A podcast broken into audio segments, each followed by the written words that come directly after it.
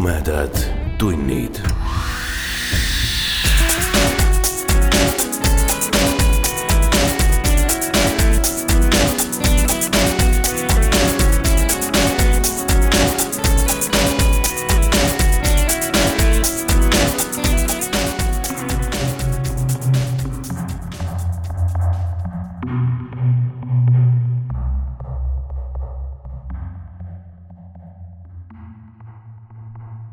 hea ulmesõber. sa hakkad kuulama Tumedad tunnid podcasti suvise erejutu kolmandat osa. kui sattusid siia juhuslikult või kui sul on algus juba meelest läinud, siis mine kaks osa tagasi ja alusta otsast. aga nüüd mina ja Aiki Penno loeme kolmanda osa Indrek Hargla süngest põnevusloost Suvitusromaan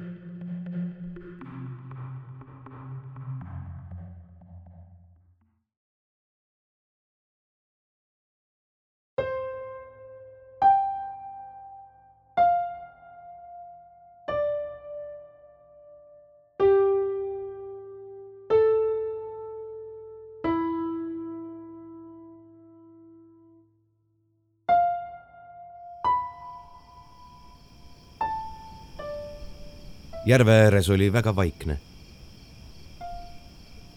loojuva päikese eredad kiired peegeldusid küünelt veekihilt ja pardipere oli usalduslikult roostiku juurest Ervinile lähemale ujunud. Ervin istus järve kaldal. ta oli istunud seal juba väga kaua. veinipakk tema kõrval hakkas tühjaks saama.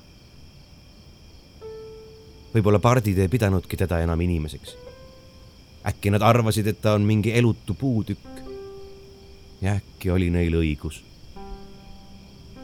kas ma peaksin põgenema? mõtles ta. kohe praegu, nüüd otsemaid pakkima seljakoti, jooksma maantee äärde, hääletama, helistama Kertule ja kaduma sellest neetud kohast. ta vist peaks. aga ta ei tahtnud.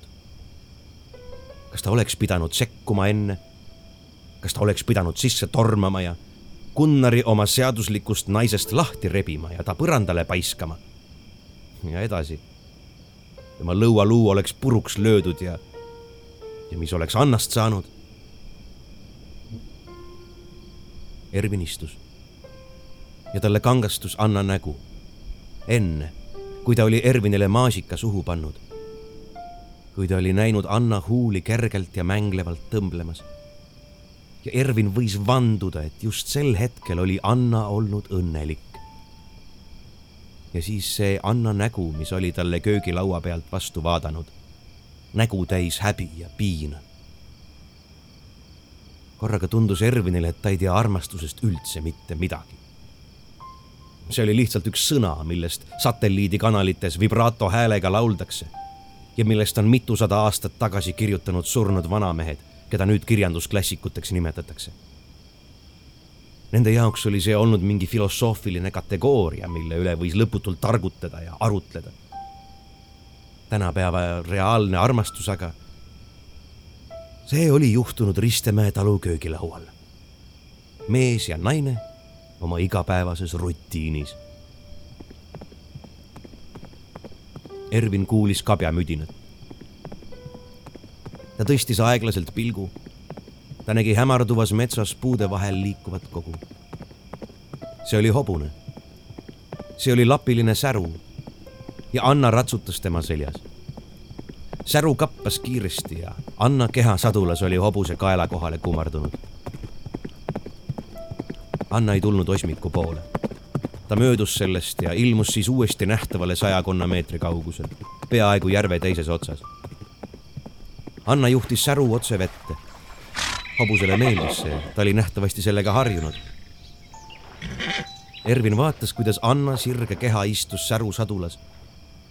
tal oli seljas endiselt seesama kleit. säru kastis pea vette, jõi ja puristas ning Anna oli samuti üleni märg. säru ujus ja Anna ujus koos temaga. korraga kadus Anna pea vee alla ja Ervin viskus püsti. Anna, Anna! hüüatas ta ning järvevesi kandis tema hääle kaugele teisele kaldale. Anna pea tuli veest välja, ta vaatas Ervini poole. ta võttis kahe käega vett ja hõõrus sellega oma nägu. ta puhastas ennast. ta pesi ennast, nagu oleks tahtnud lahti saada oma alandusest ja häbist. ja siis juhtis ta säru veest välja ning kadus taas metsa alla. Ervin seisis järve kaldal ja ootas. säru ilmus uuesti puude vahelt nähtavale. Anna istus sirges asendis ja vaatas Ervinit. ta juuksed olid märjad ja kirju kleit oli peaaegu keha külge kleepunud. miks? Anna ei vastanud. ta istus ja vaatas endiselt Ervinit. siis libistas ta ennast sadulast maha ja tuli Ervini poole. miks, Anna? Hüüdis Ervin uuesti. ta läks Annale vastu, mine ära, ütles Anna väga vaikselt. mine ära, palun. ja ära enam kunagi tagasi tule. ei, vastas Ervin. mine ära, kirjuta armastusest. pane inimesed seda uskuma, palun. Ervin läks tema juurde. ta pani käed ümber Anna puusade. ta tundis, kuidas Anna värises, aga mitte külmast. tema keha oli tulikuum ja tema märjad juuksed lõhnasid nagu kevadine heinamaa. Ervin tõmbas Anna endale lähemale. Nende kehad puutusid peaaegu kokku. viivu seisid nad niimoodi, mitte emmates, mitte kallistades, lihtsalt kehad hästi lähedal ja nad hingasid teineteist. Ervin sulges silmad. Anna puusad tema käte all olid niisked ja pehmed. ta tundis Anna südame tukseid, kuidas need aina kiiremaks muutusid, ära puuduta mind, sosistas Anna. ma olen räpane. ta ei jõudnud kaugemale, sest Ervin pani oma huuled tema huulte vastu. ta ei suudelnud Annat, ta puudutas oma huultega Anna huuli. Need värisesid õrnalt, need maitsesid maasika järele. ja nii nad seisid, kaks hõõgavat keha vastakuti. ja Ervin tajus, kuidas Anna süda hakkas kiiremini pekslema ja kuidas tukslemine tema puusades kandus tema kätesse ja ta surus nüüd Annat tugevamini enda vastu. Anna ei hakanud vastu. ta hingas üha kiiremini ja tema keha allus Ervini kätele. ta surus ennast ise vastu Ervinit, nagu otsiks ta lunastust, vabanemist ja põgenemist. Anna huuled hakkasid liikuma. Need kompasid arglikult Ervini huuli. Need olid siidpehmed ja märjad ja oskamatud. nüüd nad suudlesid. Ervin ahmis ta huuli, ta puudutas oma keelega Anna keelt ja korraks oleks see nagu jahmatusest tagasi tõmbunud. ent tajudes seda ootamatut naudingut, sööstis siis ise kiiresti andunult Ervini keelt otsima. Anna avastas suudlemise võlukunsti. tema huuled paitasid Ervini huuli, tema keel kallistas Ervini keelt ja tema pisarad niisutasid Ervini põski. Ervin ei olnud mitte iialgi midagi sellist tundnud. Anna keha ta käte vahel karjus armastuse ja pääsemise järele. see keha võbeles nagu habras küünlaleek, mis ähvardab kustuda, kui ta õhku ei saa ning laulis keelatud naudingust. ainus, mida Ervin sel hetkel kartis, oli see, et tal ei ole Annale anda kõike seda, mida see naine praegu vajab. sest Anna vajas kõike ja jäägitult. ja siis äkki tõukas Anna Ervini endast eemale. Ervin haaras ta käest ja ei lasknud seda lahti, sa pead minema, sosistas Anna. Ta peitis oma silmi. nüüd kohe, inimesed võivad surma saada. ei, ma ei lähe kuhugi. palun, me ei oleks tohtinud. Anna taganes temast. tema pruunides silmades lahvatas äkki hirm, Ervin, kallis poiss, sosistas ta. mine ära, palun, sa ei tea, mida ma ei tea mis kõik võib juhtuda. ära tee seda minuga, palun. ja nüüd tõesti Anna põgenes. Ta jooksis säru juurde, hüppas väledalt sadulasse nagu haldjas, sikutas ratsmeid, naeris rõõmust ja nuttis hirmust ühteaegu, kui ta veel korraks Ervini poole vaatas. säru hirnatas.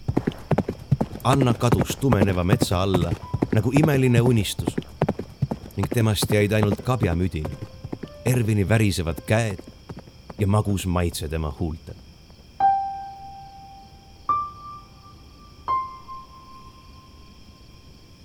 Ervin ei läinud sellel ööl magama.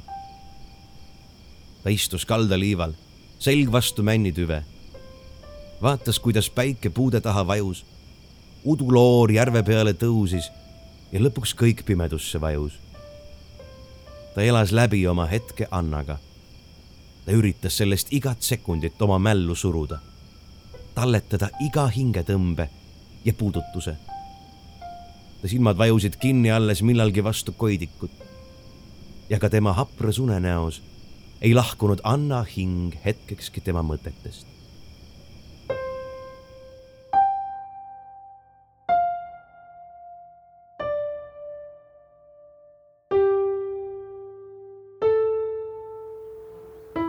Ervin virgus siis, kui keegi teda tugevalt vastu õlga lõi. ta avas silmad ja nägi, et see on poolpaljas Gunnar, kelle irevill lõust tema kohale on kummardunud. noh, toss väljas või? hüüatas Gunnar.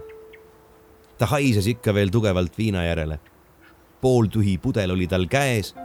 ta nägu oli parasjagu tursunud ja karvane voltis kõht rippus üle aluspükste vöö.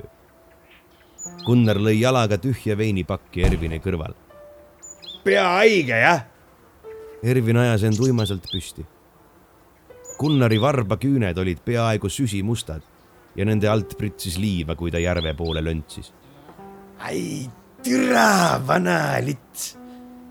mul ka nagu pea oleks täis situtud. mörises Gunnar. võttis pudelist viimase lonksu, viskas selle maha ja kahlas järve.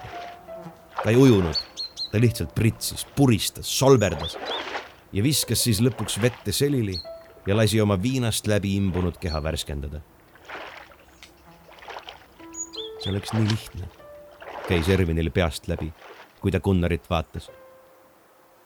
ainult lükkate pea vee alla ja hoiad natuke. ja mitte keegi ei tõesta mitte midagi. peremees oli vist juua täis peaga ujuma läinud.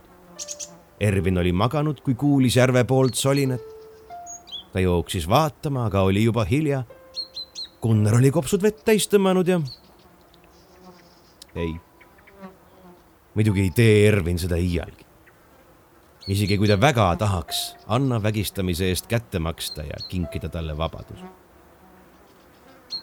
Ervin seisis kaldal ja vaatas, kui Gunnar lõpuks veest välja tuli. jahti ei tule siis või? uuris Gunnar ja urgitses kõrvast vett välja. me teeme täna meestega üks trett, vaatame jälgi ja paneme söödad välja. Ervin raputas pead kui Gunnar oli läinud, seisis Ervin ikka veel järve ääres ja mõtles selle hulluse üle järele. lõpuks rebis ta endal riided seljast ja sööstis järve. ta jooksis läbi madala vee ja tahtis teha raevuka hüppe ja sukelduda ja tundis siis äkki vasakus jalas ääres kõrvetavat leekjärsku valu. ta isegi karjatas, kui ta vette vajus. ta teadis, mis on juhtunud see ei olnud esimene kord. tema sääremarja lihas oli rebenenud. hetkel, mil ta oli valmistunud hüpet tegema ja lihased olid pingule tõmbunud, vajus jalg pehmes rannamudas pinnase sisse ning ta oli äratõuke teinud sel hetkel, kui jalg oli selleks kõige ebasobivamas asendis. Ervin roomas veest välja ja heitis rannal selili maha see oli temaga eelmisel suvel samuti juhtunud ja ta teadis, et ühtegi ravi rebendi vastu õieti ei olegi. alguses on paar tundi räiget valu ja siis suudab ta liikuda ainult toki najal. heal juhul toob salviga määrimine ja lahase tegemine natuke leevendust. ta ootas, kuni valu üle läheb, roomas siis puude alla, leidis ühe männiroika ja liipas selle najal osmikusse ta proovis kirjutada, ent ei suutnud. mälestus Anna embusest ja huultest oli liiga elav. ta ei tahtnud kirjutada. ta pidi seda uuesti läbi elama. ta pidi nägema Annat, temaga rääkima, teda hellitama, temaga siit ära põgenema. ta oli nakatunud ja haigus oli alles algamas.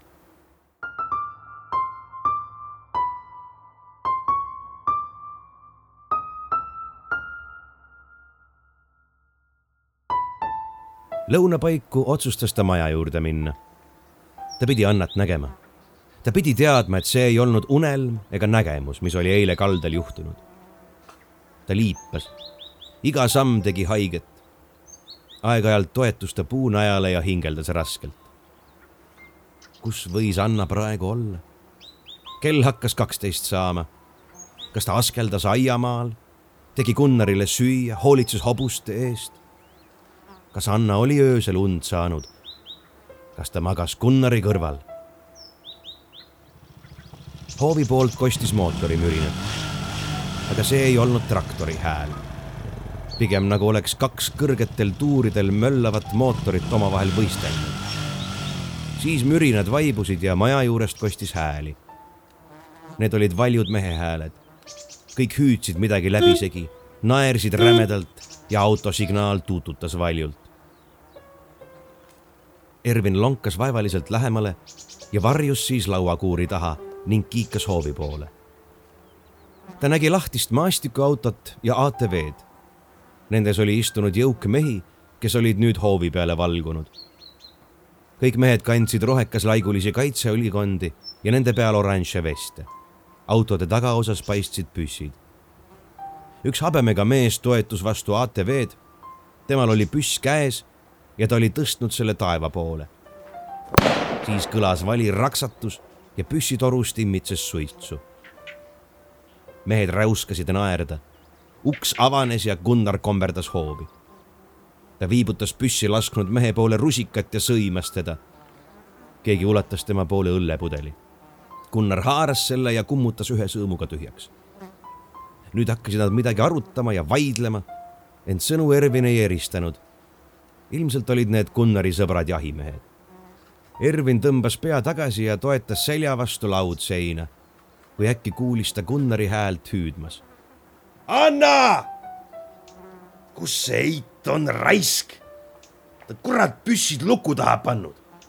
Ervin kummardas ja hiilis longates ümber nurga. seal kasvasid vaarikapõõsad. Ta heitis pikali ja roomas lähemale. nüüd eristas ta mehi natuke selgemini üks kõige vanem ja halli habemega, oli istunud pingile ja rüüpas õlut. keegi noorem punaste juustega vibalik seisis tema kõrval justkui truu koer isanda juures, väga teenistusvalmilt ja naeris mingi nalja peale. habemega tüüp nokitses ATV juures püssi kallal ja neljas seisis veidi eemal, rüüpas õlut ja irvitas samuti naerda. laseb sul jälle kuskil poolpaljalt setukaga ringi või? küsis vana ja halli habemega mees. tema toon oli nõudlik ja hukkamõistev. ei lase ta kuskil, siinsamas kuskil kohmerdab, vastas Gunnar. ja Gunnari toon oli lugupidav, justkui peab ta vanale mehele oma naise kohta aru andma. sa passi talle rohkem peale, teatas vana mees.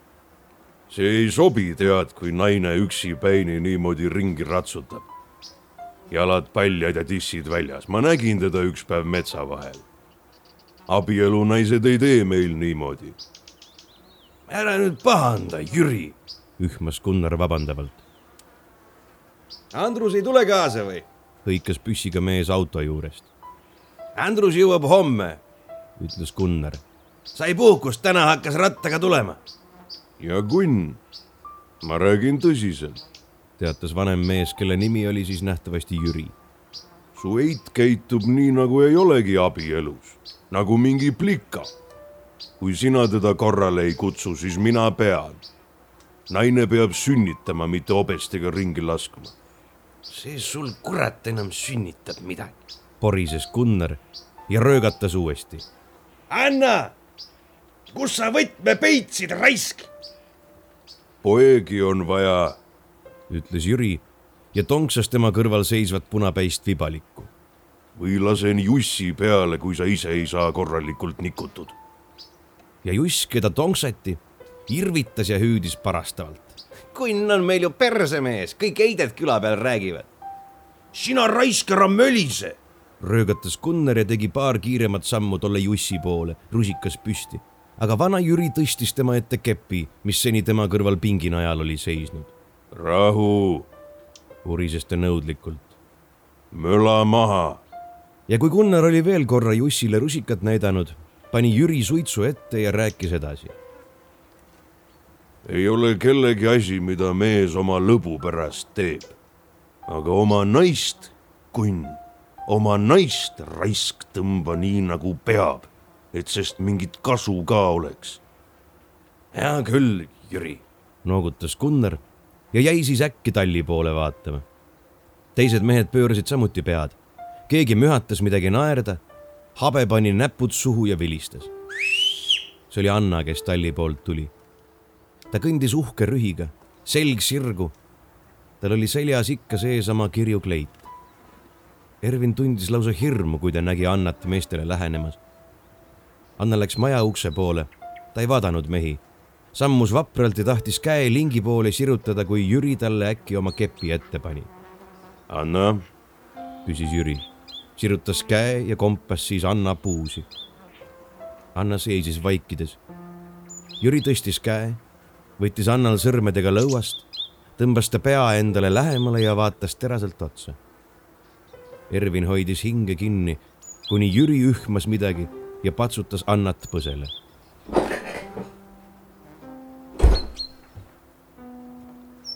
see kannatab panna veel küll, ütles Jüri, kui Anna oli tuppa läinud ja sünnitab ka paar poissi ära, kui sa õigest august sisse lükkad. habe pahvatas naerma. Gunnar aga hakkas auto juurest äkki otse Ervini poole tulema. ei, kindlasti ei olnud ta Ervinit märganud, aga ta tuli just täpselt tema poole ja näppis püksilukku. Ervin keerutas ennast kiiresti rohu sisse. ta tegi jalale haiget ja surus hambad huulde, et mitte karjatada Gunnar ei näinud teda, kui ta lauakuuri nurga taga urineeris, ehkki Ervin oli temast vaid mõne meetri kaugusel. siis kolksatas eemal uks. sinu püss, kõlas Anna hääl. Gunnari sorin lõppes ja ta läks maja juurde tagasi. taas kuulis Ervin rämedaid naerupahvakuid ja siis veel mingit vaidlemist. ta roomas aeglaselt küüni nurga juurde ja nägi, kuidas mehed ronisid auto peale ja need siis hoovist välja kihutasid.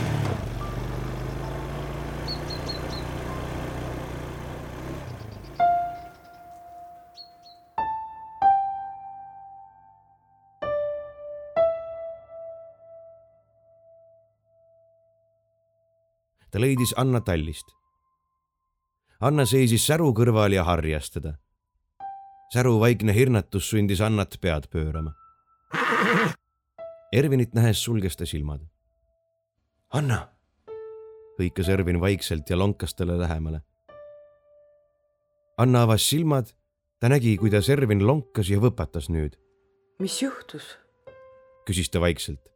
ei midagi, ma tõmbasin jala välja. see läheb üle miks sa siin oled? ma otsisin sind. ei, ma mõtlen üldse siin. miks sa ära ei läinud? Ervin raputas pead. ma ei saa. ja sa tead, et ma ei saa. Ervin sirutas käe ja Anna haaras selle enda käte vahele. viivu nad seisid niimoodi ja vaatasid teineteisele silma. ma kuulsin neid mehi. mis siin toimub, Anna? miks sina siin oled? sa ei saa aru sosistas Anna. ei, ma ei saa.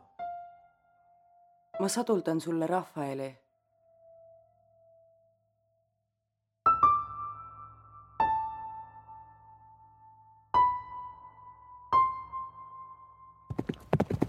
Nad ratsutasid nüüd mööda metsarada ja üle põllu ning siis uuesti metsa alla. Anna lasi särul ees galoppi ning Rafael järgnes Anna juuksed lehvisid tuules ja tema jalad pigistasid tugevalt vastu hobuse külgi. säru tundis teed. Anna ratsutas üles liivasest künkast, mille peal kasvasid vanad jändrikud männipuud.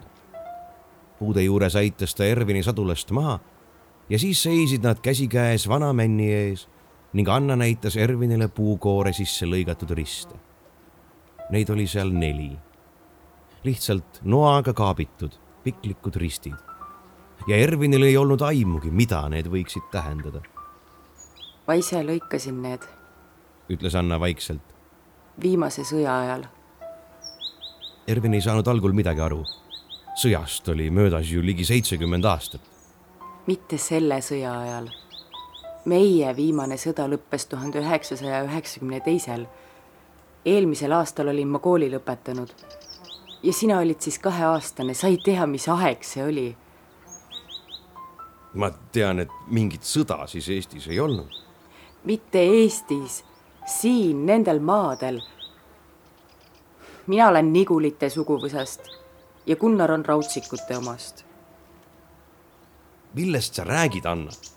see sai alguse sellest, et minu vanaisa Andres käis tuhande üheksasaja neljakümnendal aastal Raudsikute peale venelaste juures kaebamas.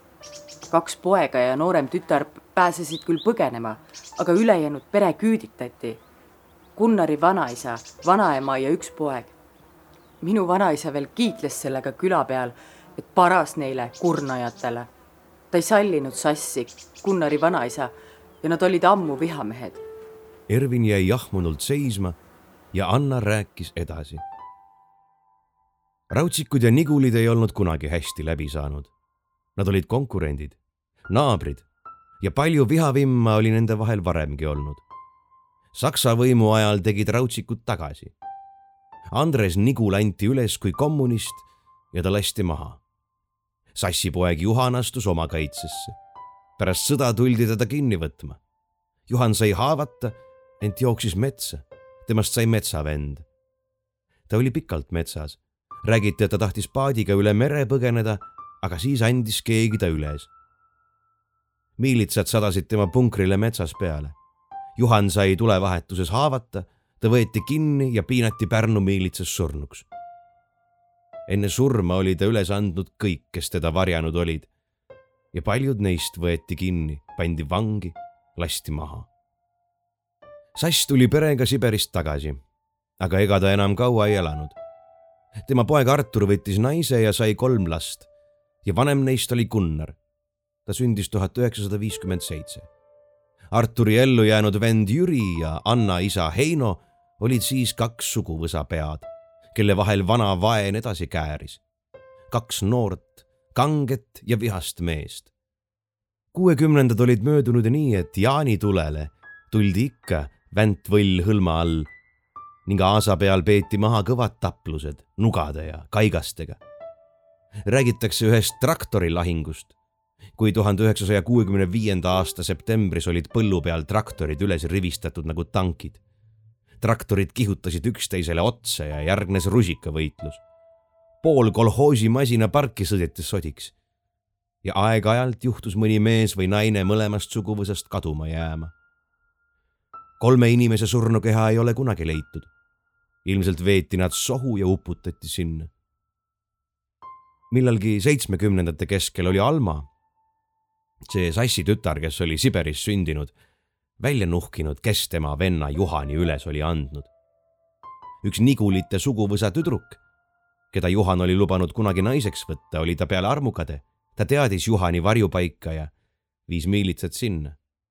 ta oli isegi miilitsas Juhani vastu tunnistamas käinud.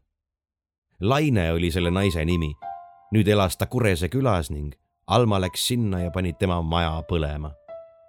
Laine põles sisse ära aga Alma läks oma kuritööst peast segi.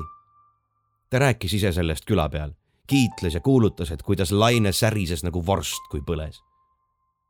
Alma käis mööda küla ja ulgus naerda ja pildus enda ümber põlevaid tikke.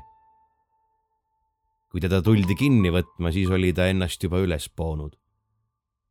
See tähendab, niimoodi pandi kirja, et ta oli ennast ise üles poonud.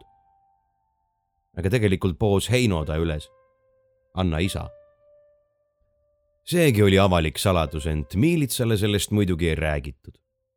Nigulite ja raudsikute vaen oli nende omavaheline asi. ümbruskaudne rahvas oli selle koha pealt ammu õppinud suu kinni pidama. Jüri ei võinud seda muidugi nii jätta.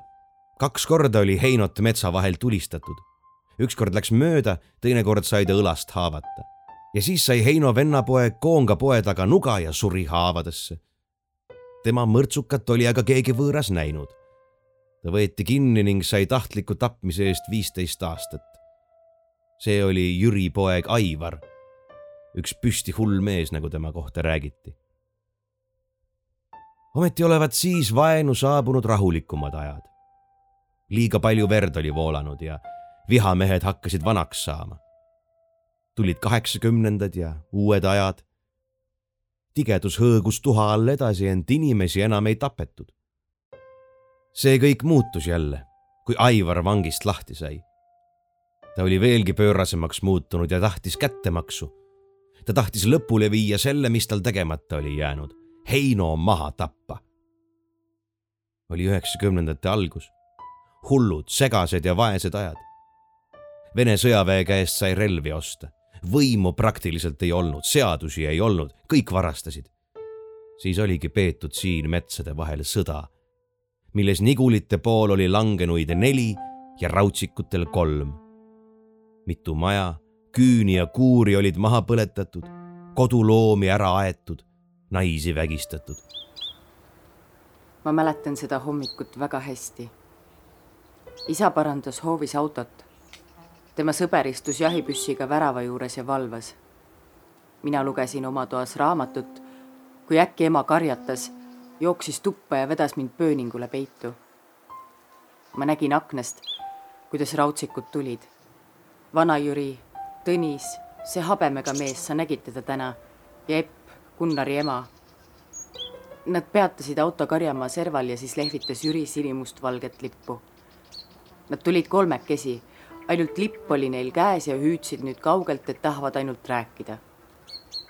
minu ema nuttis ja karjus, et neid ei tohi sisse lasta, aga isa ikkagi lasi.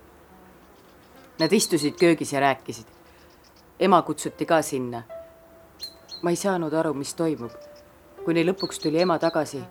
ta nuttis, aga need olid rõõmupisarad. see on nüüd läbi, hüüdis ta ja kallistas mind. Palun anna mulle andeks palun anna andeks. ma ei saanud midagi aru. ja siis tuli isa ja temal olid ka pisarad silmis. teist teed ei ole, Annake, ütles tema ja kallistas ka mind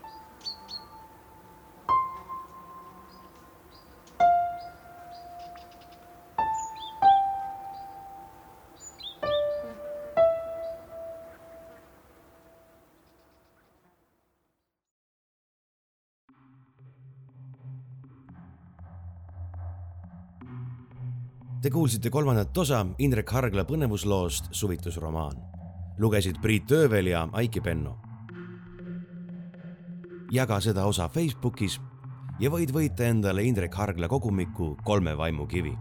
külasta meid ka Instagramis ja Youtube'is ning meie toetusleheküljel patreon.com kaldkriips tumedad tunnid. kohtumiseni nädala pärast